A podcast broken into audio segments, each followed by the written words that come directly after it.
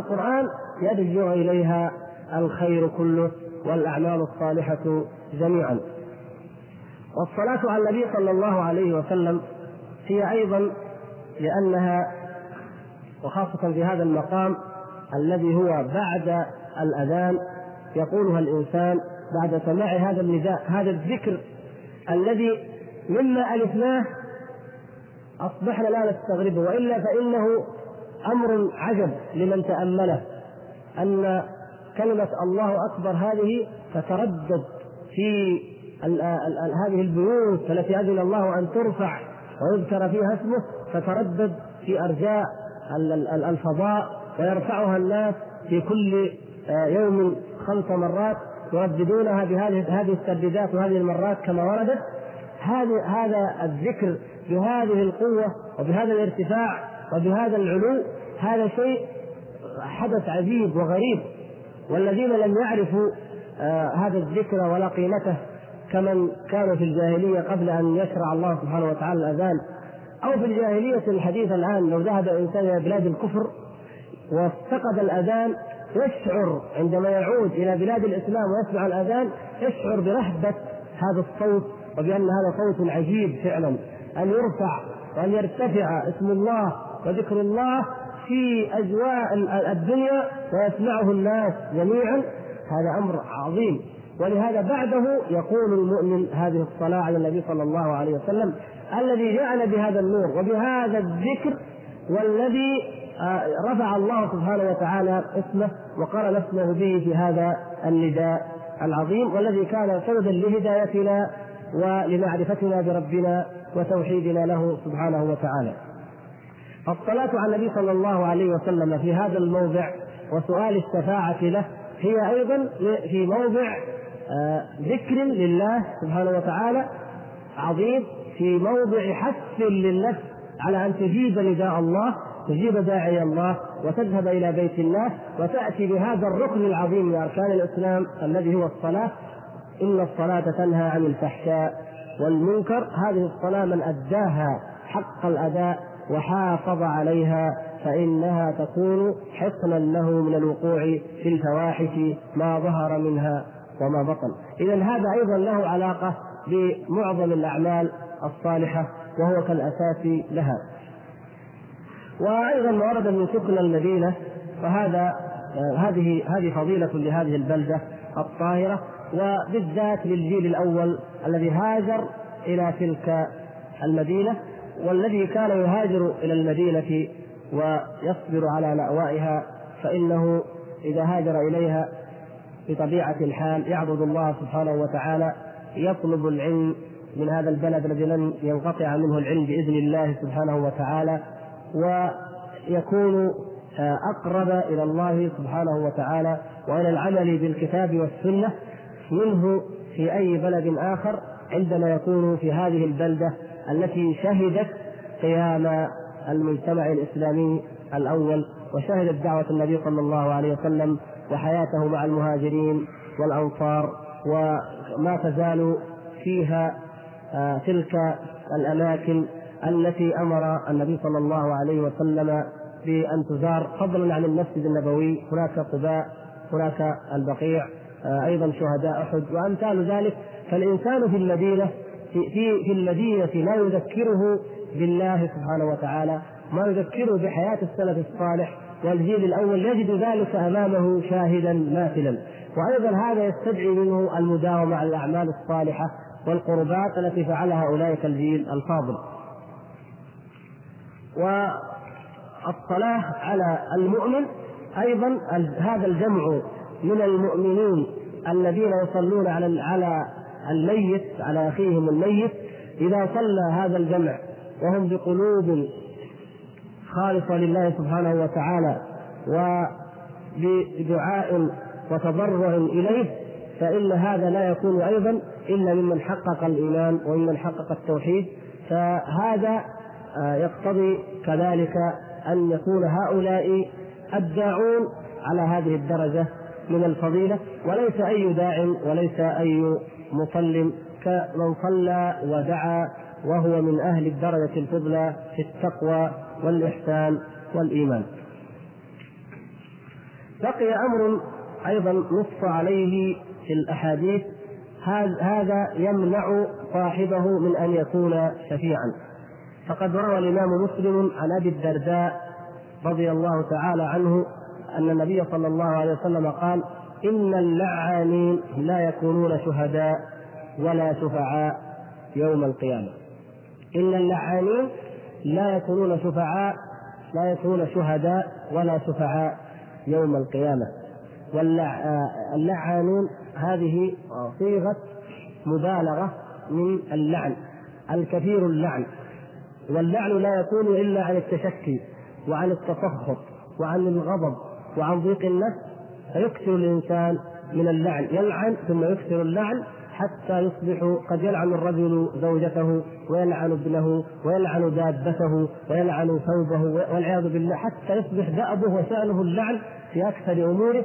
فهذا اللاعن المتسخط الغضوب التي الذي يأتي الشيطان على لسانه بهذه الكلمة هذا لا يكون يوم القيامة شهيدا ولا شفيعا ومن هذا أيضا نستنتج كما استنتجنا في الأول أنه ليس هذا هو العمل الوحيد الذي إذا فعله صاحبه فإنه لا يشفع الكبائر الموبقات جميعا حري وجدير بما بمن ارتكبها ألا يكون شهيدا ولا شفيعا لماذا؟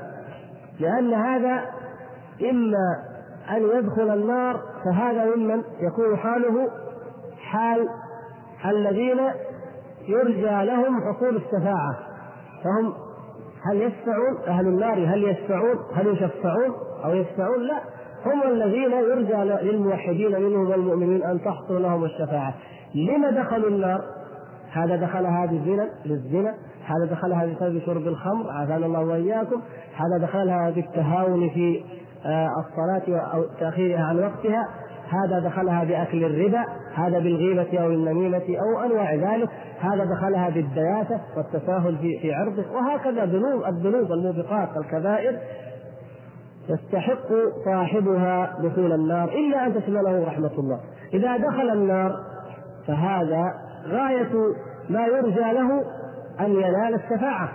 أما أن يشفع هو أو يشفع فذلك لا يكون وليس هذا موضوعه إذا فمن ارتكب هذه الموبقات فقد وضع نفسه في منزلة المحروم من أن يكون شفيعا عند الله سبحانه وتعالى. وهذه الخصلة التي نبأ عليها هذا الحديث تدلنا على ما ورائها وأن العبد الصالح لا يكون شفيعا إلا كما بينا فيما سبق يكون الإنسان شفيعا بمقدار قربه من الله. ولهذا من هو أعظم الشفعاء جميعا؟ النبي صلى الله عليه وسلم. لأنه أكثر الخلق عبادة لله وتقوى لله ومعرفة بالله سبحانه وتعالى. ثم من بعده الأمثل فالأمثل من الأنبياء والصالحين. الذي أقل ثم من كان أقل ثم من يليه من يليه حتى يصل الأمر إلى أولئك الناس الذين يكونون هم ممن ترجى لهم الشفاعة وليسوا من أهلها أي ليسوا ممن يشفع ولكن ممن يشفع له. نسأل الله سبحانه وتعالى أن يجعلنا وإياكم من المقربين إليه ومن عباده الصالحين إنه سميع مجيب. ثم بعد ذلك آه، يقول الشيخ نرجع إلى ثم إن الناس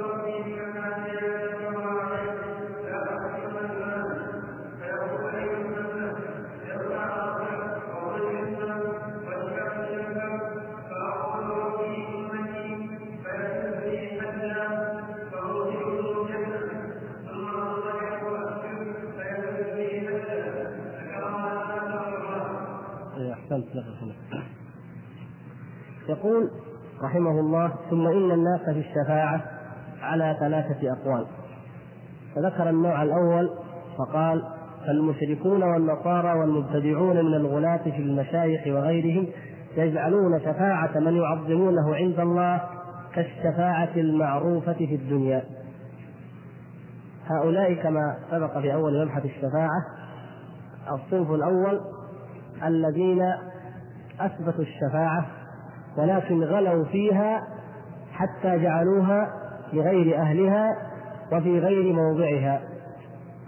فهم يجعلون شفاعة من يعظمونه من نبي أو عبد صالح لله سبحانه وتعالى عبد لله صالح في الدنيا يجعلون شفاعته كالحال مع من يشفعون في الدنيا إلى ملوك الدنيا.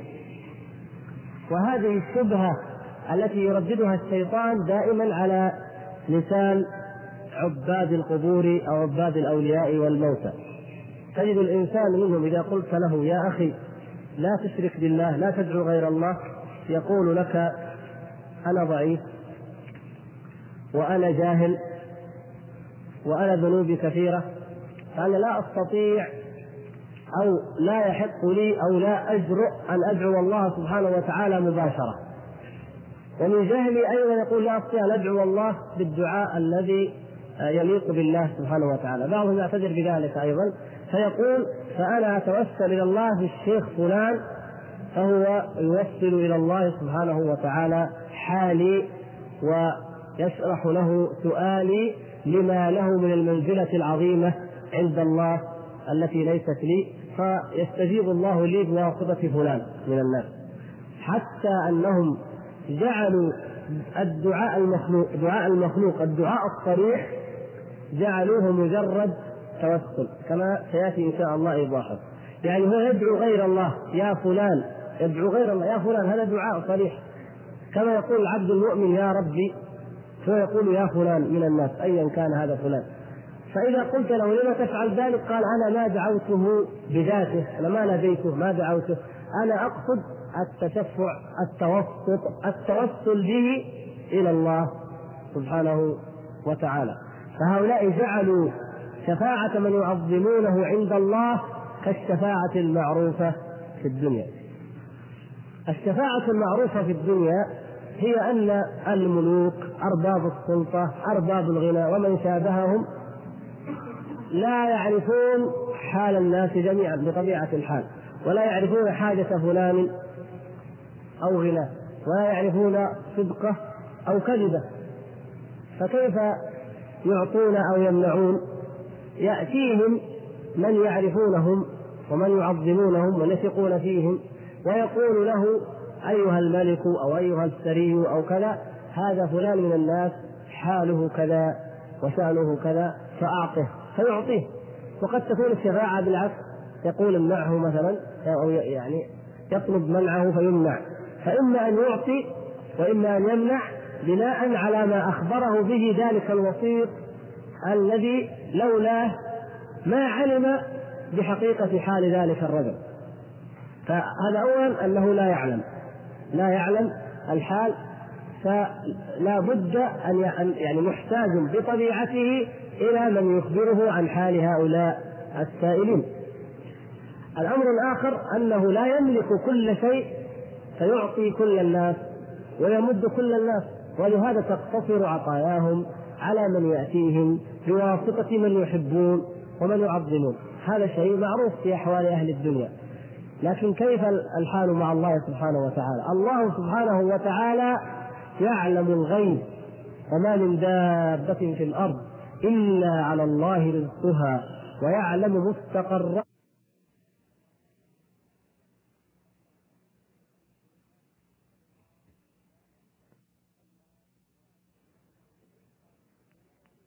في طلب الرزق وتسعى وتغدو إليه كلها يرزقها الله سبحانه وتعالى ويعلمها وهي أمم أمثالنا كما أخبرنا الله سبحانه وتعالى.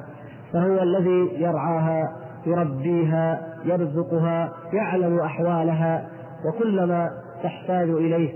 وهو الذي يجيب المضطر إذا دعاه أيا كان ذلك المضطر حتى ولو كان فاجرا كفارا ودعاه دعاء اضطرار في ظلمات البر أو البحر يستجيب له الله سبحانه وتعالى وينجيه من الكرب ويكشف عنه الغم بفضله لأنه هو رب العالمين فلو لم يرزقهم لو لم يتفضل عليهم لو لم يكشف كربهم وينجهم من الذي يفعل ذلك؟ هل من رب غيره سبحانه وتعالى يفعل ذلك؟ لا إذا حتى وهم كفار حتى وهم فجار حتى وهم يحاربونه. إذا صدقوا في الالتجاء إليه فإنه لا يردهم خائبين. فالتوحيد كما يقول الإمام ابن القيم رحمه الله في الفوائد يقول التوحيد مفزع أوليائه ومفزع أعدائه. إذا جاءت الشدة والكرب والغم والضنك لجأ إليه أولياؤه ولجأ إليه أعداؤه. يتوسلون إليه بالتوحيد يدعونه وحده فيكشف عنهم ذلك الغم والكرب فيكشف ما تدعون إليه إن شاء وتنسون ما تشركون. يتبدد وهم الشرك وضلاله وكل تلك الشبهات التي كانت تنتج في وقت الرخاء. ثانيا أن الله سبحانه وتعالى عنده خزائن كل شيء لا تنفد خزائنه. فليس مثل ملوك الدنيا أو أغنياء الدنيا الذين لا بد أن يعطوا وأن يحرموا أن يقتصدوا وأن ينفقوا. لا يمكن هذا في حق الله سبحانه وتعالى لا يكون أبدا فهو الذي لا تنتهي خزائنه وان من شيء إلا عندنا خزائنه. والله سبحانه وتعالى آه، ذكر ذلك أيضا كما قال في حديث أبي ذر الحديث القدسي العظيم يا عبادي لو أن أولكم وآخركم وإنسكم وجنكم قاموا في في صعيد واحد. ثم سألوني فأعطيت كل واحد منهم مسألته ما نقص إذا أدخل البحر. أبدا سبحانه وتعالى. سواء كانوا على هدى وتقى أو على ضلال وعصيان فالله سبحانه وتعالى يتفضل عليهم جميعا. كلا نمد هؤلاء وهؤلاء من عطاء ربك وما كان عطاء ربك محظورا فهو الغني سبحانه وتعالى. كل الغنى يا أيها الناس أنتم الفقراء إلى الله والله هو الغني الحميد. فهو الذي غناه غنى المطلق مطلقا وهو الذي بيده خزائن كل شيء. وهو الذي لو سأله الخلق جميعا فأعطى كل واحد منهم مسألته ما نقص ذلك من ملكه شيئا. إذا فكيف يشبه بأهل الدنيا بملوك الدنيا بأغنياء الدنيا؟ في أن يطلب ما عنده من الرزق والفضل والخير عن طريق الوسطاء وأعظم من ذلك أنه جل شأنه قد أمر الناس أن يدعوه أن يدعوه رأسا توا وقال ربكم ادعوني أستجب لكم. سبحانه وتعالى. فهو أمر الناس جميعا أن يدعوه وأن يتوجهوا إليه وأن لا يطلبوا من أحد غيره شيئا بل جعل دعاء غيره شركا أكبر وجعله محبطا للأعمال ومبطلا لها. فمع هذا البيان في كتاب الله عز وجل في أن هذا شأن الله وهذه صفته وأنه سبحانه وتعالى آه، يأمر عباده أن يدعوه وإذا سألك عبادي عني فإني فإني قريب أجيب دعوة الداعي إذا دعان.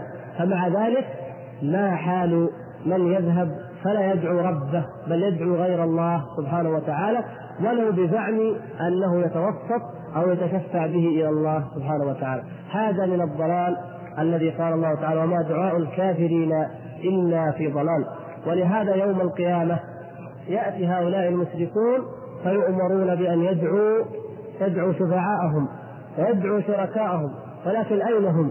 قالوا ضلوا عنا بل لم نكن ندعو من قبل شيئا. أين هم؟ أو ضلوا أين؟ ما رأيناهم. إذا فيقولون لم نكن ندعو أي مخلوق ولم نكن نعبد شيئا. ما هي إلا أسماء سموها ما هي إلا أوهام توهموها. لا حقيقة لها أبدا فهي ظنون وخيالات باطلة. ولا ليس لها من حقيقة وليس لها من واقع فلا يجدون يوم القيامة من شفيع ولا ولي ولا حميم يطاع ولكن أهل التوحيد يجدون ذلك الرب الرحيم الكريم سبحانه وتعالى الذي يدخل من حقق التوحيد منهم وأخلص له وحده يدخله الجنة. من غير حساب ولا عذاب وهنالك يندم المجرمون ويتحسر المشركون نسأل الله سبحانه وتعالى أن يعافينا وإياكم من الشرك دقيقه وجليله إنه سميع مجيب والحمد لله رب العالمين وصلى الله وسلم وبارك على نبينا محمد وعلى آله وصحبه أجمعين. الحمد لله رب العالمين وصلى الله وسلم على الهادي الأمين محمد وعلى آله وصحبه أجمعين.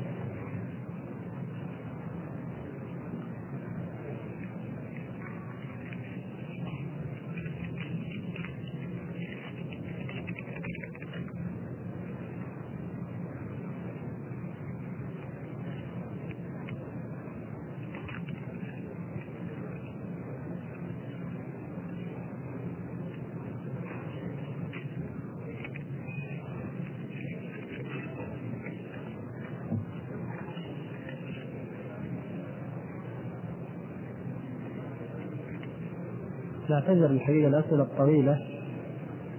إن شاء الله نجيب عليها فيما بعد حتى نستطيع أن نقرأها. لكن الآن من الأشياء التي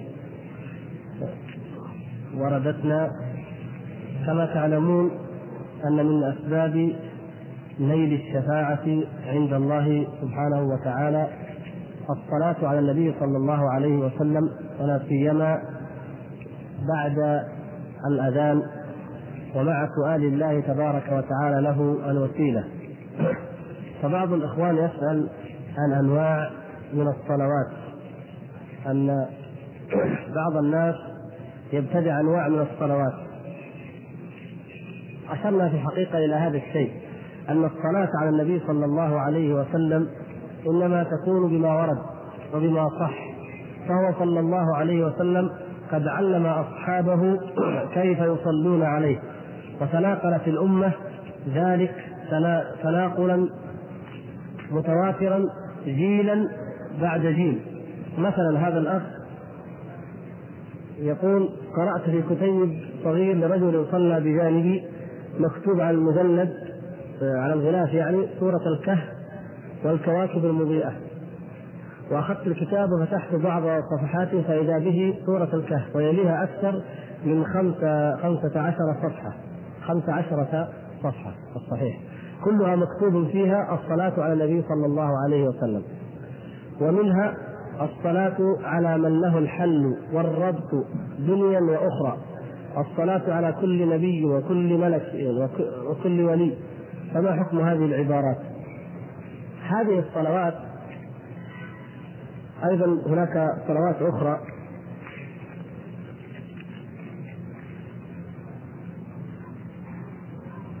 هذه الصلاة مثلا الذي سيد هذا أعطانا إياه أحد الإخوان وهو نفس الشيء.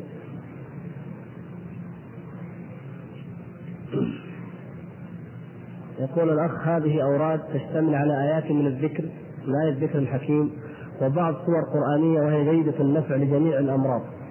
منها آه النفس.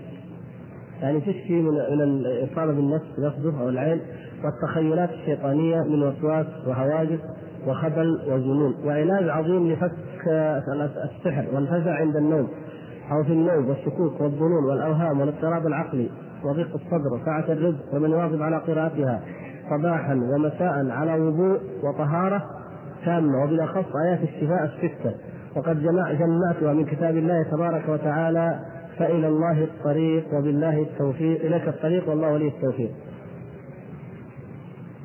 وبعدين يذكر يقول تقرأ آه تبدأ اولا بقراءة الفاتحة تقرأ اوائل سورة البقرة إلى قول اولئك هم المفلحون ثم تقرأ والهكم إله واحد لا إله إلا هو الرحمن الرحيم ثم تقرأ الله لا إله إلا هو الحي القيوم وتكرر ولا يعوده ثلاث مرات ثم تقرأ خواتيم سورة البقرة إلى آخره آه آه شهد الله إلى آخره ولقد جاءكم رسول من أنفسكم إلى آخره وقد جاء الحق وزهق وقل جاء الحق وزهق الباطل إن الباطل كان زهوقا. له معقبات من بين يديه ومن خلفه يحفظون من أمر الله. أيضا في أخطاء في الآيات. فالله خير الحافظ وهو أرحم الراحمين. وألقي السحرة سجدا قالوا آمنا برب هارون وموسى. وما هم بضارين به من أحد إلا بإذن الله ولا يفلح الساحر حيث أتى. فقد خاب من افترى. فجعلناه هباء منثورا. وجعلنا على قلوب أكنة أن يفقهوه. يستمر في آيات منتقاة. كما تلاحظون انتقى آيات من عدة سور من أول المصحف ومن آخره. وبعدين يقول دعاء المناعة مثلا دعاء المناعة من سبعين داء. دعاء المناعة من سبعين داء. منها الجنون والجذام والبرص والريح. عن أنس رضي الله عنه أن النبي صلى الله عليه وسلم قال من قال بسم الله الرحمن الرحيم ولا حول ولا قوة إلا بالله العلي العظيم عشر مرات أعني كل يوم بريء من ذنوبه. ما أدري خطأ في الكتاب. آه، كيوم وليس من سبعين بلاء إلى آخره. وإذا خفت ظالما أو جبارا وأردت أن يخضع لك بقلبه ويقضي حاجتك بإذن الله فانهض إلى صلاة ركعتين ثم اذهب إليه وقل عند الدخول عليه.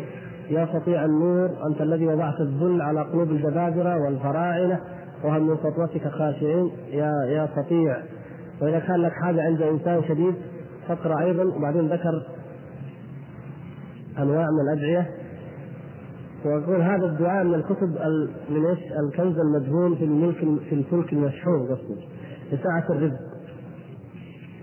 دعاء وبعدين كل هذا لا نستطيع أن نستعرض لكن كله أدعية كما ترون مثلا يقول أسماء بعض الصحابة تكتب لإزالة النسيان وتحفظ من العمى عن العمى. من كتب هذه الأسماء في إناء وشربه على الريق لا ينسى. تكتب سيدنا عثمان سيدنا معاذ سيدنا عبد الرحمن بن عوف سيدنا زيد بن ثابت سيدنا زيد بن كعب إلى آخره. وبعدين اليوم السبت كتب اليوم الربوع اليوم كذا. وبعدين قصائد وأشعار وأوراد ما أنزل الله بها من سلطان. يعني هذه يا إخوان نماذج حيه هناك أيضا نموذج آخر وهو هذا الدعاء. دعاء ختم القرآن العظيم مأثور عن سيدنا علي زين العابدين ابن مولانا أبي عبد الله الحسين الصدق رضي الله عنهم عنهما وعن آل البيت النبوي أجمعين. ويليه دعاء بر الوالدين للعارف بالله محمد بن أحمد بن أبي الحب الحضرمي الطبعة الحادية عشرة. إلى آخره. هذا الدعاء. من الذي شرعه؟ ومن الذي أنزله؟ وعلى أي لسان؟ ولماذا بالذات يروى عن علي بن العابدين؟ ومن في أي كتاب ورد وصح به السند؟ فهذا كله من كلام المتأخرين. ما وضعت الادعيه لختم القرآن أصلا إلا في العصور المتأخرة. لكن نسب نسب إلى آل البيت لغرض ما. ولا نستطيع أن نستعرضه الآن. لنبين لكم الذي ما يدل ويوضح على أنه كتب في العصور المتأخرة. ودعاء بر الوالدين هذا الذي كتبه العارف كما يقول العارف بالله يقول اقرأ وحده ويقرأ عقب دعاء ختم القرآن الكريم لا سيما بشهر رمضان. طيب. الحمد لله الذي أمرنا بشكر الوالدين والإحسان إليهما وحثنا على اغتنام برهما إلى آخره. بعدين يقول اللهم ارحمنا ارحم والدينا ثلاثا واغفر لهم وارض عنهم واحفظ ودهم اللهم برهم اللهم كذا اللهم إلى أن ينتهي الكتاب. دعاء وضعه هذا الشيخ وتوفى في القرن السابع. وضع دعاء في بر الوالدين. المقصود يا إخوان هذا صلوات على النبي صلى الله عليه وسلم أدعية منوعة ادعيه ختم القرآن ادعيه بر الوالدين إلى آخر كل هذه كما تجدون وكما تلاحظون لم تسند إلى النبي صلى الله عليه وسلم لم تأتي من طريق صحيح ثابت إلى النبي صلى الله عليه وسلم فما هو حكم من يتعبد بهذه الأدعية؟ هل ينفعه ذلك عند الله سبحانه وتعالى؟ من عمل عملا ليس عليه أمرنا فهو رد من أحدث في أمرنا هذا ما ليس منه فهو رد لو تركت لو ترك الأمر للعقول وللأهواء وللرغبات أن تضع من الأدعية ما شاءت وأن تنتقي من آيات القرآن ما شاءت فتجعل هذا شفاء لهذا المرض وهذا للدخول على الحكام وهذا للدخول على التجار وهذا لزيادة الأرزاق وهذا للنسيان وهذا للتذكر وهذا لكذا لو كان الأمر كذلك لأصبح كتاب الله عز وجل ألعوبة للمتلاعبين. من اين من أين هذا هو الجواب الذي يتبادل الذهن. لكن أنت في هذه الحالة اجبت على قضية غيبية، على قضية نظرية. يعني واحد سألك قال أليس الله قد كتب الكفار أشقياء؟ قال بلى، طيب فهل يمكن لمن كتب والله شقيا أن يكون سعيدا؟ نقول لا نقول لا ما يمكن هذا هذا نعم صح جواب صحيح الشيطان ينفذ من هذا الجواب الجواب هو صح لكن الشيطان ينفذ منه ما بعد يقول طيب ما دام ما يمكنهم إذا لماذا يؤمرون؟ ولماذا ينهون؟ ولماذا يطلب منهم الطاعة وينهون عن المعاصي؟ أيوه. فيوقعنا الشيطان في إيش؟ فيما اعترض به المشركون على النبي صلى الله عليه وسلم. وقال الذين أشركوا لو شاء الله ما أشركنا ولا آباؤنا. وسيقول الذين أشركوا لو شاء الله ما أشركنا ولا آباؤنا. ولا حرمنا من شيء ولا عبدنا من دونه من شيء. هكذا هذا ما قاله المشركون. يقولون لو شاء الله ما أشركنا لو شاء الرحمن ما عبدناهم. هذه الشبهة شبهة المشركين. فما هي خلاصة هذه الشبهة؟ اعترض المشركون على أمر الله الشرعي بقدر الله الكوني. يقولون أنت يا محمد إلى أي شيء تدعوننا؟ تدعوننا إلى أن نؤمن بالله أن نترك الشرك. لو شاء الله ما أشركنا فاعترضوا على من ما يأمر به الرسول صلى الله عليه وسلم ويقول لهم إن الله حرم هذا إن الله نهاكم عن هذا. يقول لهم عن الله يبلغهم عن الله يعترضون ويردون أمر الله يردون كتاب الله وسنة رسول الله. بماذا؟ بقدر الله. متعلمين بقدر الله. الله سبحانه وتعالى ما أنكر عليهم إثبات القدر. قال بعد ذلك الآية التي بعدها في سورة الأنعام قال قل فلله الحجة البالغة. فلو شاء لهداكم أجمعين. صح؟ صحيح لو شاء الله لهداكم أجمعين. لكن إيش إيش وجه الخلل واللبس عندكم؟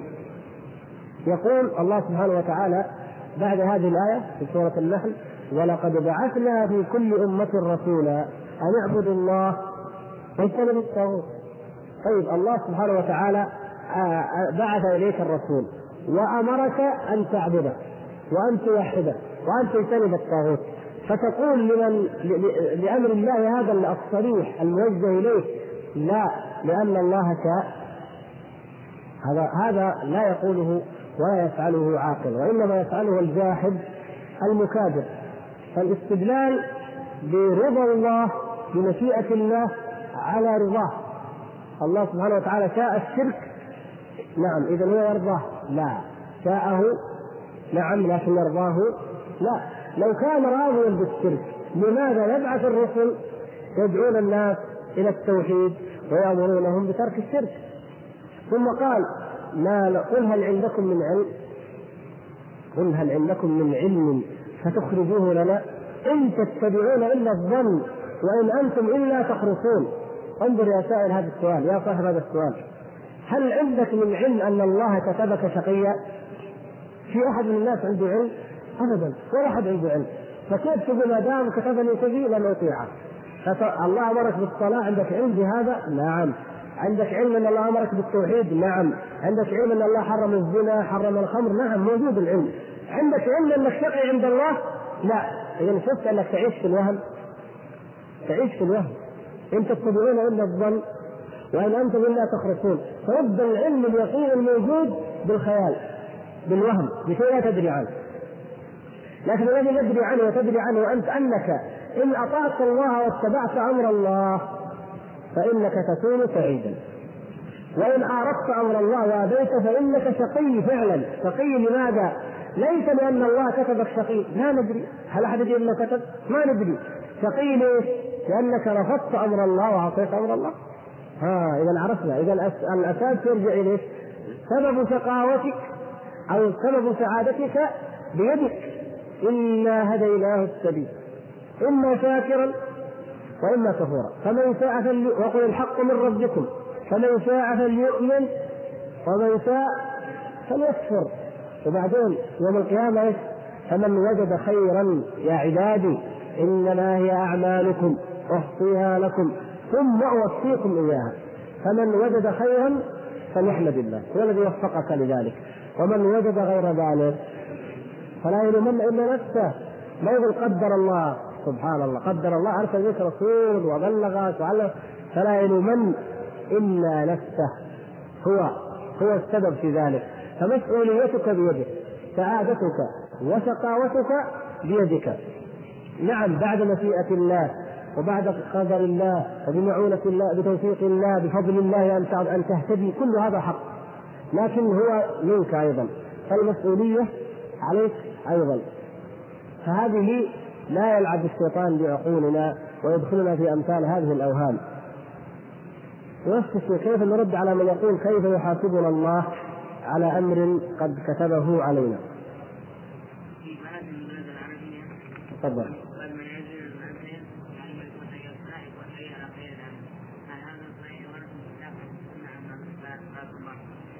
حي على خير العمل ما وردت في الكتاب ولا في السنة. وإنما قيل إن بعض الصحابة وردت آثار فقط ولا تصلح هذه الآثار لأن نأتي بها ونعلن هذا على رؤوس الملأ وعلى رؤوس الأشهاد ونخالف جماعة المسلمين.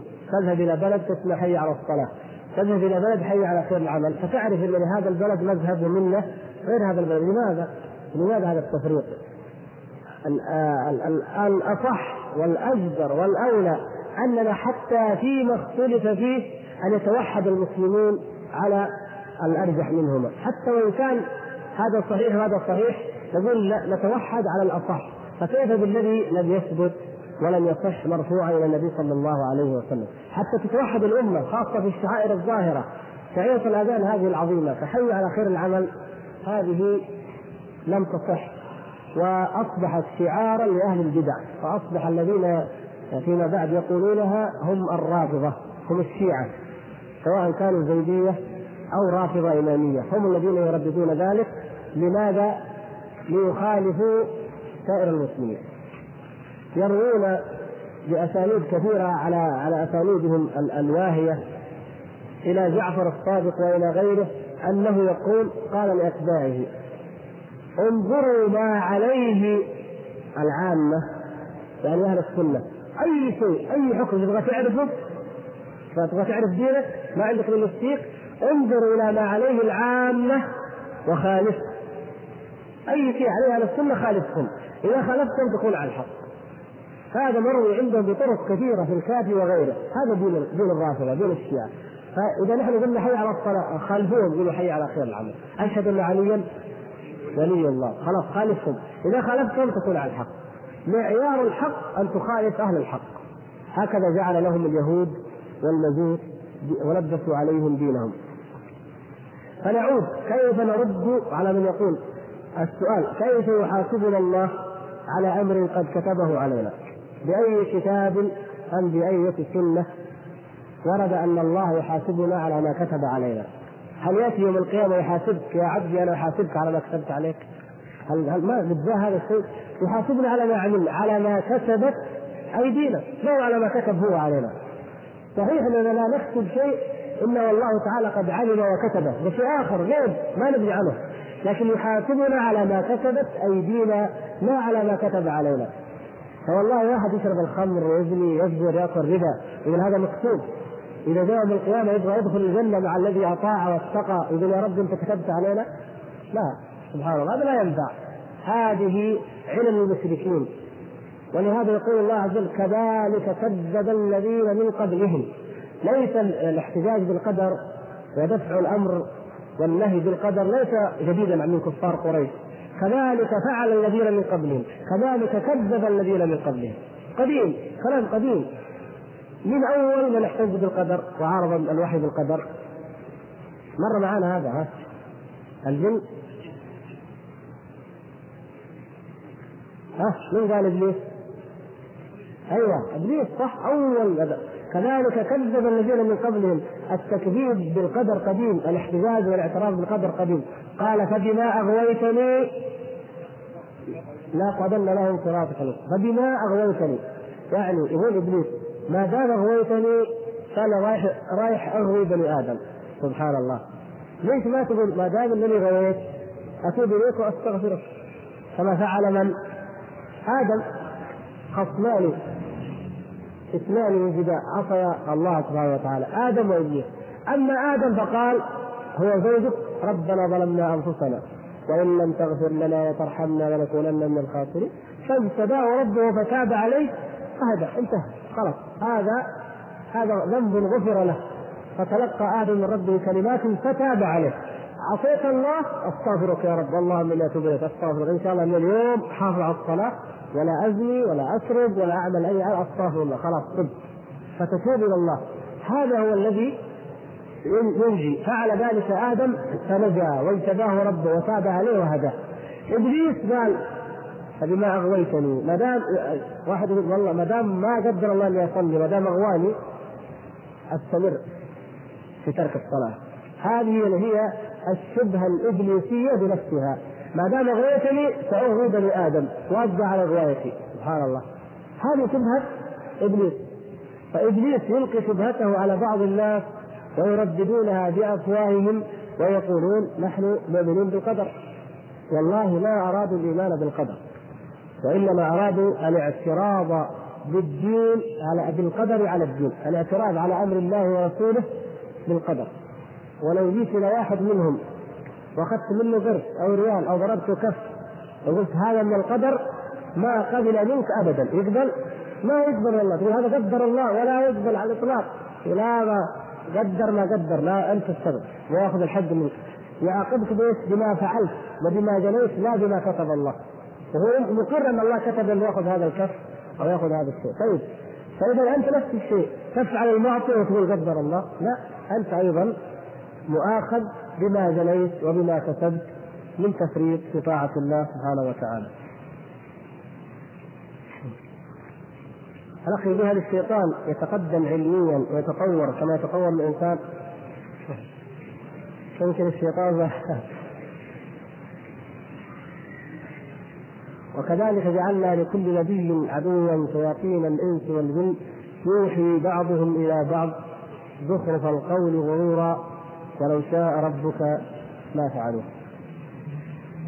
اليهود يبتكرون أسلوب من أساليب إفساد بني آدم، طبعا بتعاون من الشيطان وبوسوسه من الشيطان يبتكرون هذا الأسلوب. هذا الأسلوب يستفيد منه الشيطان ويطوره، ما في مانع. يعني الشياطين يوحي بعضهم إلى بعض فهم دائما يزخرفون دائما يوسوسون دائما يطورون طبعا كلما الحياة تتغير وكلما الأفكار تظهر يعني مثلا الشيطان وأتباعه شافوا أن النصرانية ما عاد تنفع. طوروها غيرها يصير ماركسيه راسماليه كذا. ما تنفع الماركسية جيبوا الوجودية. ما تنفع الوجودية جيبوا كل يوم يجيبوا دين جديد. يوحي بعضهم إلى بعض. صرصر يتكلم والشيطان يملي عليه. وبعدين الشياطين تستفيد أيضا من كلام صرصر وتجيب دين آخر. ولذلك لا ينقطع الشر من الدنيا ولا تنقطع الأفكار. ويتفننون في الفساد. انظروا يعني موضوع المرأة والإغراء بالمرأة والشهوة. كل يوم يطلع فن عجيب تتعجب من فين جابوا هذا الفن. شياطين الإنس والجن يوحي بعضهم إلى بعض. فكروا مع بعض. كيف نفسد كيف نفسد هذا المجتمع عن طريق المرأة؟ جبناها في الدعاية جبناها في التمثيل. بعدين قال ليش ما نحط مصارعات نسائية؟ يعني أغرب كذا. الناس بتجي تشوف كمان وبعدين قال رياضة نسائية وبعدين كذا. أي شيء. كل يوم يغيروا ويجددوا ويطوروا. والمرأة هي المرأة والشهوة هي الشهوة الإنسان في الأيام كان يعني في الغابات أو الذين في الغابات من البشر في الكهوف نفس الشهوة الجنسية. عندهم عند الذي يسكن في اضحاك الاتحاد. نفس الشيء. لكن تلاحظ التطوير والتغيير والتحوير بقدر ما تجدد الحياة وكذا تجد إنه الشيطان يطور هو وأتباعه ويوحي بعضهم إلى بعض. ولا ينتهون عند حد حتى يأتي أمر الله ويهلكهم الله عز وجل. مثل ما فهمتم ومثل ما سمعتم فإذا أردنا أن نهلك قرية أمرنا متر فيها ففسقوا فيها فحق عليها القول فدمرناهم. دمرناها تدميرا. تتدمر هذه الحضارات بمقدار ما يزخرف لها الشيطان.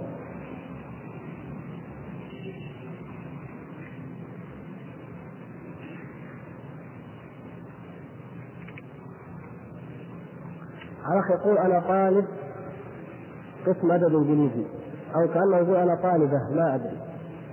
ترى أنا بالنسبة لي يفرق الجواب بين طالب وطالبة.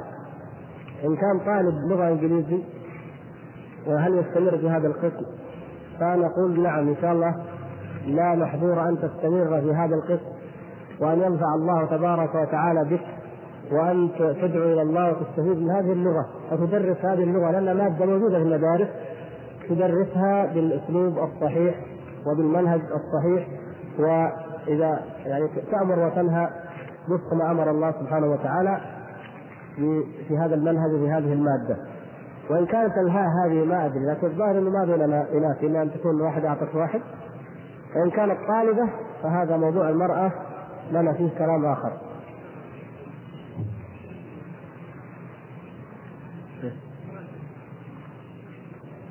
نسية؟ يعني هذا واحد نسي كتابه. هشام بن إسماعيل. هشام؟ معروف. هشام هشام أنا أعرفه. تعرفه أنت؟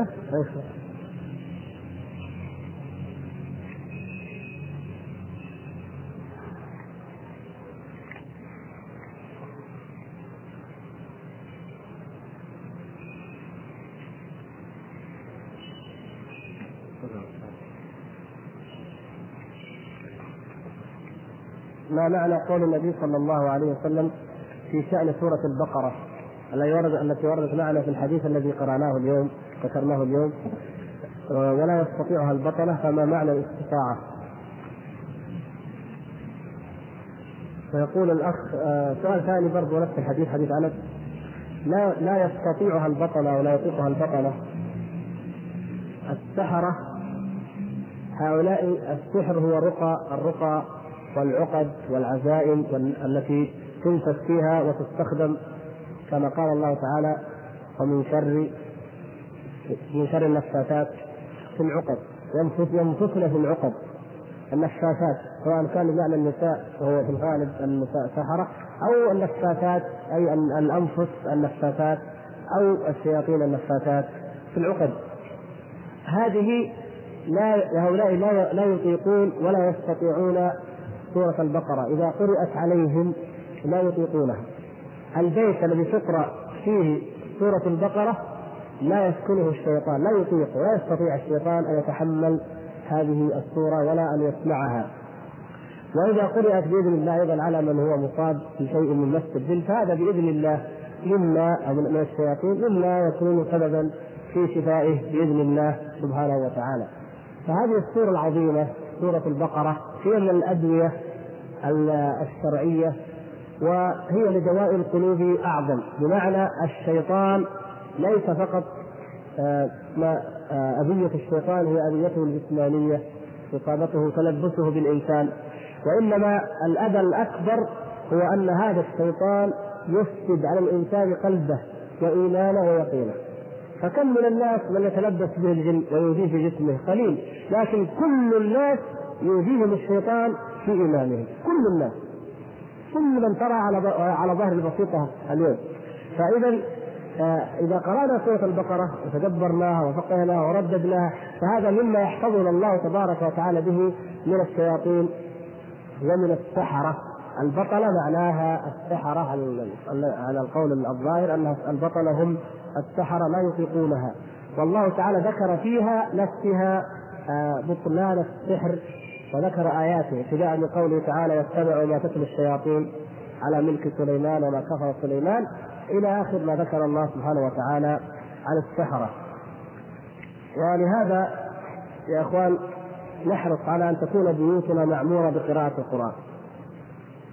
الإنسان إذا قرأ القرآن وإذا سمع القرآن وسمعه أهله وكان البيت يقرأ فيه القرآن فإن هذا أبعد عن الشيطان بجميع أنواع الأذى الشيطاني. واسأل البيوت المملوءة بالشقاق بين الزوجين وبالمشاكل بين الآباء والأمهات والأبناء وما أكثرها في بيوت المسلمين اليوم. نادرا اليوم. مع الأسف تجد بيتا مطمئن النفوس فيه بين الأبناء والآباء والأمهات وبين الأزواج والزوجات. سبحان الله. شقاق ومشاكل غريبة. في سر من من هذه الأسرار التي لا نفصل لها أن هذا البيت يغنى فيه. ولو واحد اسمه الغنى فيه يستدعي الشياطين. فإذا حضرت الشياطين تحضر الطمأنينة والسكينة لا والله تحضر قسوة القلب ويحضر الأنانية يحضر حظ النفس والثورة والغضب. الغضب والشيطان مقترنان فإذا قال في الزوجة كلمة رد الزوج بعشر كلمات. أو العكس والأب والابن ليش؟ الشيطان حاضر موجود يؤجج نار الغضب ويؤجج نار الفتنة. ولهذا أمر الغضبان إذا غضب ان إيش؟ ان نستعيذ بالله من الشيطان. وامر ان نستعيذ بالله لدفع آه، شر الشيطان وغضبه. ف يعني البيوت المسلمة اليوم تهدمت لأنها تركت فيها قراءة القرآن وكان فيها الغناء كما تلاحظون مع الأسف. هذا من أحد الأسباب في ذلك. حتى في أي جهاز في الإذاعة في جهاز طيب يعني ليس شرطا أن يقرأ الإنسان. ممكن أن الزوجة أو الأم الكبيرة أو كذا لا تستطيع تقرأ أو لا تفهم تستمع إلى القرآن من الإذاعة أو من المسجل يقول الأخ في حديث أنس فاحمده ويلهمني محامد أحمده بها لا تحضرني الآن. ثمن قائل عبارة لا تحضرني الآن. النبي صلى الله عليه وسلم أم مالك؟ يعني أم أنس الذي يعني يظهر أن القائل هو النبي صلى الله عليه وسلم. لأنه قال يفتح الله عليه بمحامد لا تحضره الآن. يعني لا الآن لا يعرفها لا يذكرها. لكن في ذلك اليوم يلهمه الله سبحانه وتعالى إياها. فلا يتناسب أن نقول إن القائل هو الراوي. خلاص؟